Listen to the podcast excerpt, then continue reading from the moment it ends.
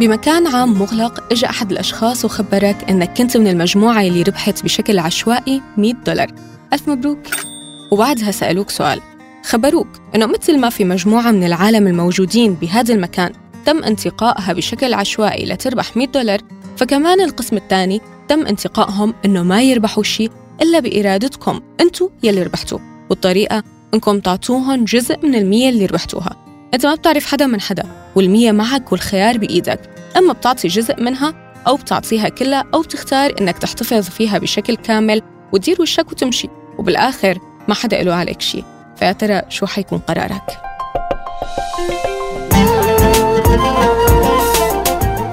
تنوين بلسان عربي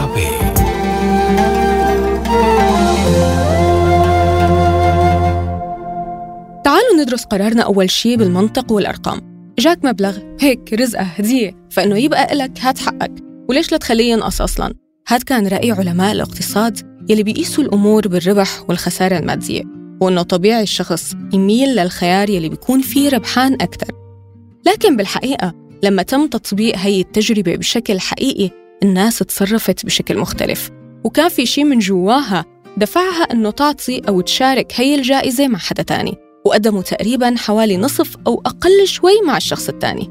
علماء الاقتصاد استغربوا إنه شو الشيء اللي دفعهم لهذا النوع من المشاركة؟ معقول البشر لهالدرجة طيبين ومناح؟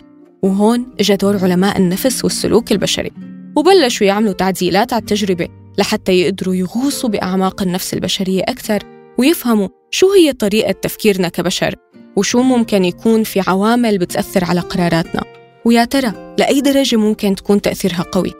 وبدت الملاحظات والأفكار تتوضح بعد كل تغيير من التغييرات.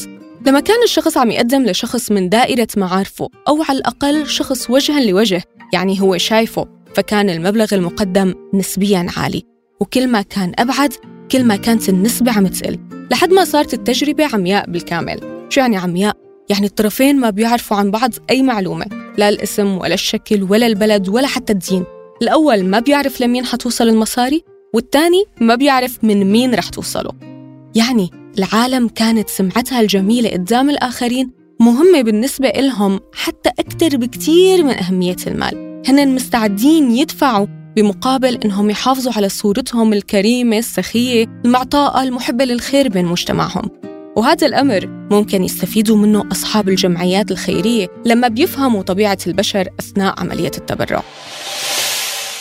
طيب خلونا نرجع للتغييرات يلي صارت على التجربة.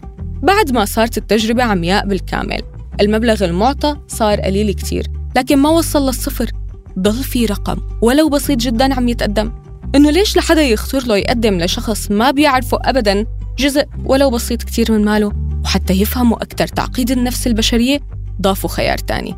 قدموا للشخص الثاني يلي هو يفترض ينعطى المصاري 50 دولار. وبنفس الوقت زادت صلاحيات الشخص الأول صاحب المال فصار مو بس بيقدر يعطي أموال للطرف الثاني وإنما كمان بيقدر يسحب من رصيدهم وياخدهم إله أوف! إذا بالحالة الأولى كان الإنسان عم يضل يتمتع بقدر ولو قليل جدا من الكرم. يا ترى معقول هلأ وقت زادت صلاحيته يتغير سلوكه؟ وهون كانت المفاجأة.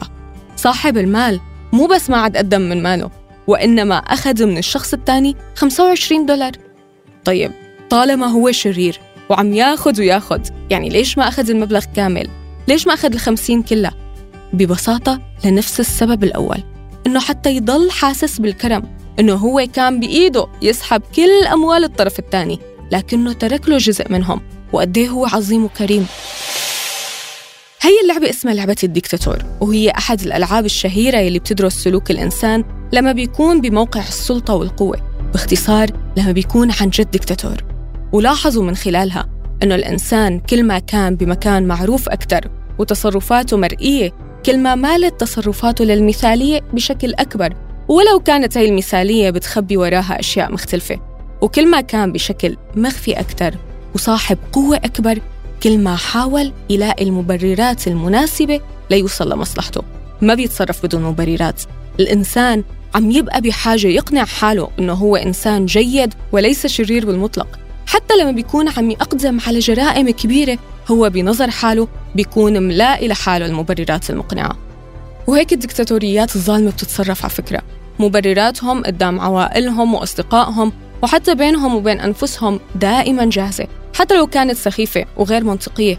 مو مهم المهم إنها قدرت تقنعهم وتعطيهم مسكن وشعور بالراحة.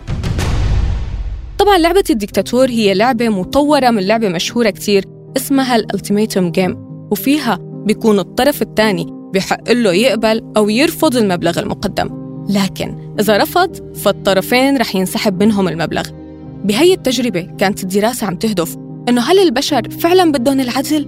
وماذا لو صاحب المية قدم 10 دولار للطرف الثاني؟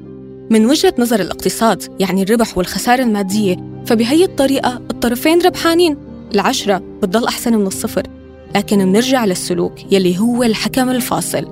أغلب يلي تقدم لهم مبلغ فوق ال 35% قبلوا المبلغ وبقيوا الطرفين ربحانين. أما يلي تقدم لهم أقل من ال 25% فكان خيارهم الرفض وفضلوا إنهم يخسروا هن والطرف الثاني على إنهم يقبلوا بالمبلغ الزهيد.